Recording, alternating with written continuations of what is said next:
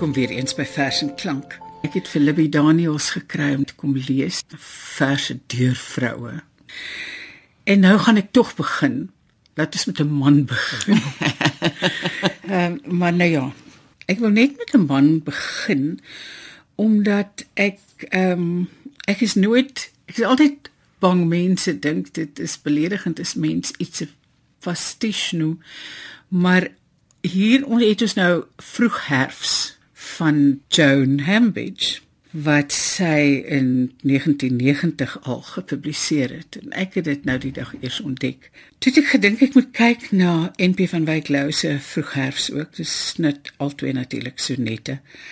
Maar sy verstomme mens met hoe na aan van Wyk Lou sy bly en tog is haar vers so ver van sy vers af. Ek wil net voor Libby vir ons Jones se lees, wil ek net ter verfrissing gou-gou van Wyk Lou se lees. Die jaar word ryp in goue akkerblare, in wingerd wat verbruin en witter lug wat daglank van die nuwe wind en klare son deurspoel word. Elke blom word vrug tot selfs die traagstes. En die eerste blare val so stil weg in die rookvalbos en laan dat die takke van die lang populiere teen elke ligte môre witter staan. O Heer, laat hierdie dae heilig word. Laat alles val wat pronk en sieraad was of enkel jeug en ver was van die pyn. Laat ryp word, Heer, Laat u wind waai, laat stort my waan tot al die hoogheid eintlik vas en nakend uit my teerder jeug verskyn. Luister wat maak Joan Hambidge met dieselfde vorm en dikwels dieselfde frases. Die jaar word ryp in vrede ontnugtering, in woede wat verkil en bitter idees wat daglank deur my nuwe minagting uitgespoel word. Alle idees word reëls tot selfs die sluistes. En die eerste beelde val so stil weg in my donker depressiewe drome uit sodat die dendriete in my brein al teen elke ligte môre oor ys opspruit. O missus, laat hierdie dae nooit verbygaan. Laat alles val wat poësie of stilte verbreek of klisjé is en ver was van die pyn. Laat ryp word misses. Laat jou verwoesting nimmer taan vir ewig tot al my demone afgebreek word in relevante tydgebonde skyn. Nou dit was alles met die gebruik van woorde. Daarna gaan ons na Wilma Stokkenstroom toe. Na gedig Ek wantrou woorde. Ek wantrou woorde.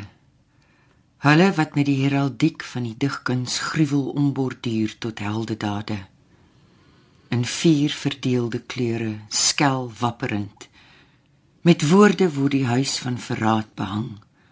Met woorde die doodsvonnis gevel. Veral twyfel ek aan die pralende woord verwring tot goue ontploffings van barokaltare en asvol togas. Die woord wat die seën uitspreek oor sinisme.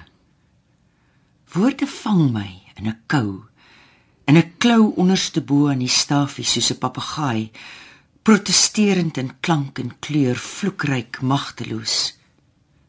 Woorde is rampe rampe, rampe. Wys my 'n woord, ene wat nie kil nie. Noem my 'n woord wat ek nie onmiddellik kaatsen sal nasê in die afstande tussen my en die ander, bollend toegerank met die doringdraad van woorde. In die begin was die ontsnapping en bly dit steeds.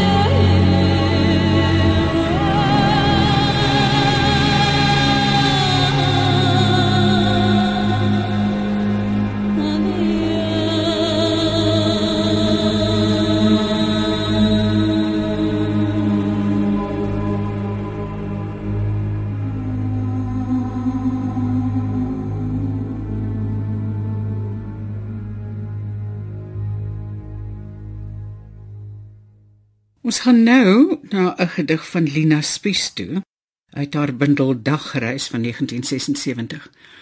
Lina Spies en Elisabeth Eybers het 'n baie baie besonderse verhouding gehad. Sy skryf hierdie gedig aan Elisabeth en sy noem dit dan ook Elisabeth. En sy haal vir Virginia Woolf aan uit an unwritten novel. En sy sê the eyes of others are prisons. Their thoughts are cages. Elisabeth. Terwyl ek na jou kyk, die stofblad te vel groen, die uitgewer se naam voorbarig swart vermeld teen joue wat jy liefs verswyg sou hê. Is ek met eens vir oud word nie meer bang? Want waar die kleur vervloei tot jy, is alles sag soos webbe onder water roer. Weg die vroeëre knoetsige verset teen pyn in elke onverbiddelike trek die oë se oopgesperde ontoeganklikheid. Jy's weer die digteres van 18 jaar wat sing van die nooi uit Nasaret en onder jou vel lê die struktuur van been soos van 'n meesterlike buitelaar. Jy's weer die kind wat smal in 'n doringboom se skaduwee kan pas. Ek wat moet wortel en moet groei en om te leef na bo moet reik voordat ek losgemaak word om te swewe en te dryf. Wat sal ek vra vir jou in die voorlaaste vryheid van jou byna woordeloosheid? Bevat in hierdie koel papier se stukkie skemerte waaraan my onbeholpe vingers klou.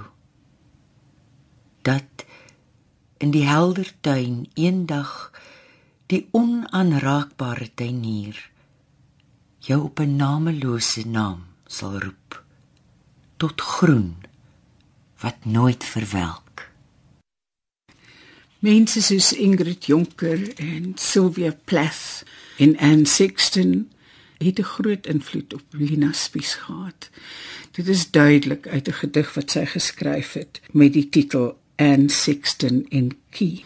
Kom ons luister daarna. Wat het gebeur, Anne? Toe jy aanklop by nommer 45 Genade Straat.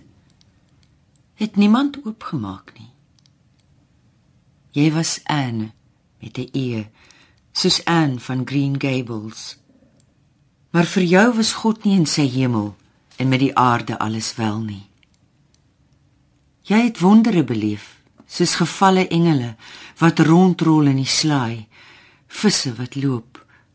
Poesie was meer as 'n appelgroen somerlug, 'n wit amandelboord en rooi esdorings in die herfs. Geloof meer as 'n aandgebed en katkesasie. Moeiliker, gevaarliker, verskriklik. Maar liefde, het jy gesê, is eenvoudig so skeerseep En tog het 'n man jou nie regtig nagekom nie. Net jou pa. En paas van mooi slim dogters maak hul versterwe groot. Na hom verwek elke man haar tot die dood. Ingrid, Sylvia, jy. As die sout van trane te min geword het, kan jy nog altyd die see inloop en uitgespoel word in poele wat genadig stil en diep vir kluisenaarskrappe is. En as koue wintermôres jou klokslag wakker maak wanneer jy nog toegemaak wil lê in die slaap se warm donker skoot, kan jy jou hoof neerlê in 'n oond die wiegliedjie van die gasbuis suisend oopdraai. Jy is met eens 'n woordelose fetus, nie meer 'n kind wat oulik praat, 'n meisie wat verse maak, 'n vrou wat dig nie. Jy sluk nie meer pilletjies teen terminale insomnia en endogene depressie nie. Die kamouflage van slim voorskrifte is nou onnodig. Uiteindelik kan jy terugkruip in die beenderre van die Vader en die genade Gods kluit vir kluit op jou voel val.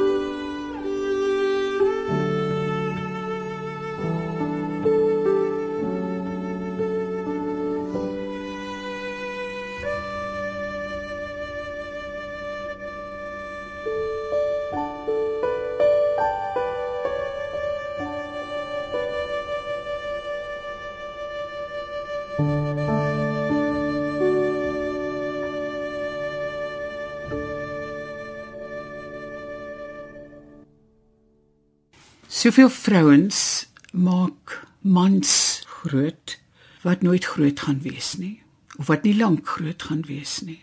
En die pyn daarvan beskryf Evelyn Castellyn in 'n beeld van 'n man. Ek maak jou groot op proteïene en vrugte en melk. En verwyder alles wat ongewens is, lektuur en jou mangels. Laat selfs jou tande bandeer vir 'n perfekte lag eendag. Jy katkeseer en matrikuleer. Die weermag maak jou 100% fiks. En stuur 'n beeld van 'n man grens toe om op 'n landmyn te trap. In 'n vleklose uniform na die gebiedswaters wat toegerus is met vyandelike radar en sonar. En jy vlieg met jou dapper vlerke reguit na die kenteken van postieme glorie. En nou Sheila Cousins, se Christ of the Burnt Men. Jy sal my ook al hoe meer wen. Glimlaggende skertsoog, blinkoog Christus. Wat my vervaarde jare op jou afstand gade geslaan het. Jy het jou hande nie toe uitgesteek toe ek jou singende wonde aan my lyf ontvang het nie. Maar vel jou kruis geteken oor my. In hand en voet en romp en hoof. En deur die beswyming onder druppende bloedplasma in soutwatersakke omskyn voor my met net die trekking van 'n glimlag van uiterste pyn om die mondhoeke. Jou oë blink van 'n akkoord. En ek begryp jy het my geteken vir die avontuur van jou. Ek wat vuur bemin en altyd waghalsig was of wat is die brand in die brein en hart wat brandender brand as die vlam in die lyf en wat gaan gloei in klip en sand onder my eenvoetig springende begrip agter jou sagsinnigheid aan? Nee heerlikers. As jy eindelik omdraai met oë wit en stip en ver in skouers gemantel met 'n verwoede en stormende son. O my kosmiese Christus. 33 jaar verdoesel in die klein en donker vlees wat jy in een nag oopgevlek het om jou vir my te bevry. Opdat ek jou raak sien raak weet raak het. En nog wag jy dat ek moet sê heel uit moet sê gryp my hande dan amper sonder vingers vir jou kundige timmerman